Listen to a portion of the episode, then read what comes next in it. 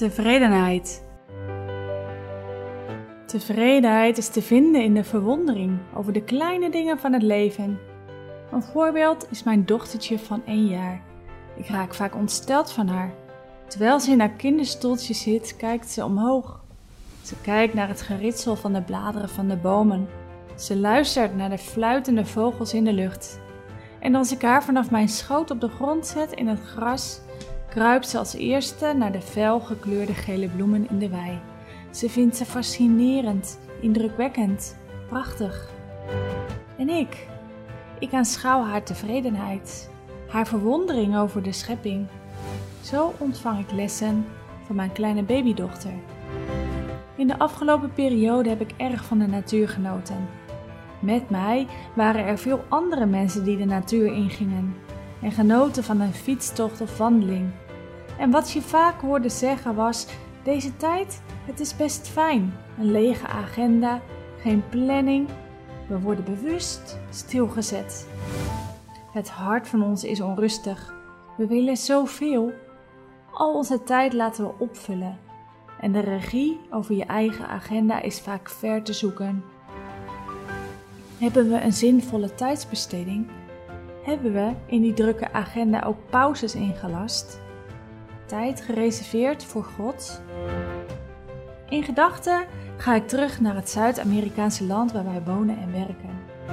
Daar zie ik vaak mensen die op het platteland wonen voor hun huis zitten, zomaar voor zich uitstarend, kijkend naar wat er op de weg voor hun huis te zien is en voorbij komt. Ze kunnen soms uren in alle rust zomaar kijken naar in onze ogen onbetekenende dingen. Het leven is simpel, eenvoudig. De mensen hoeven en hebben niet veel. Ze hebben de rust om momenten niets te doen. En ze leven bij de dag. Ze stralen tevredenheid uit. Soms heb ik best wel eens mijn zorgen over onze kinderen die nu opgroeien. Wat geven we ze mee? Hoe richten we ons leven in? Wat zijn de gesprekken aan de keukentafel? Gaat het veel over geld en goed? Zijn we alsmaar aan het vergelijken, kijkend naar wie het beter heeft? Krijgen onze kinderen de indruk dat het gras bij de buurman altijd groener is? Onrustig is ons hart totdat het rust vindt in u.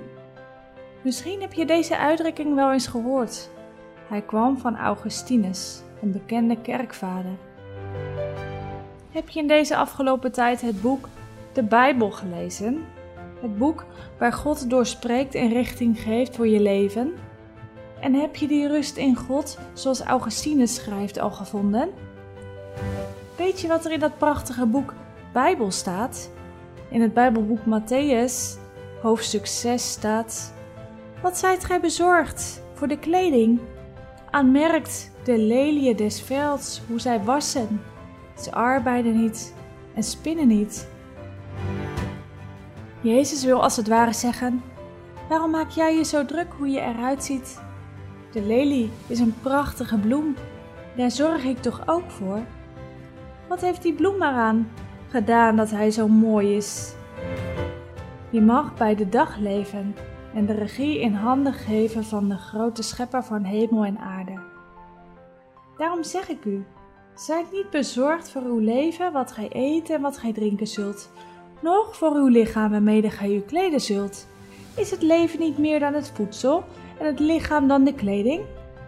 Waarom maak je je toch zo druk om de dingen van het leven? Ik geef je genoeg. In Matthäus 6 staat: Maar zoekt eerst het koninkrijk Gods en zijn gerechtigheid, en al deze dingen zullen u toegeworpen worden. Leef bij de dag en laat je leiden door zijn woord, de Bijbel. Dan zal er een diepe vrede en vreugde in je leven zijn.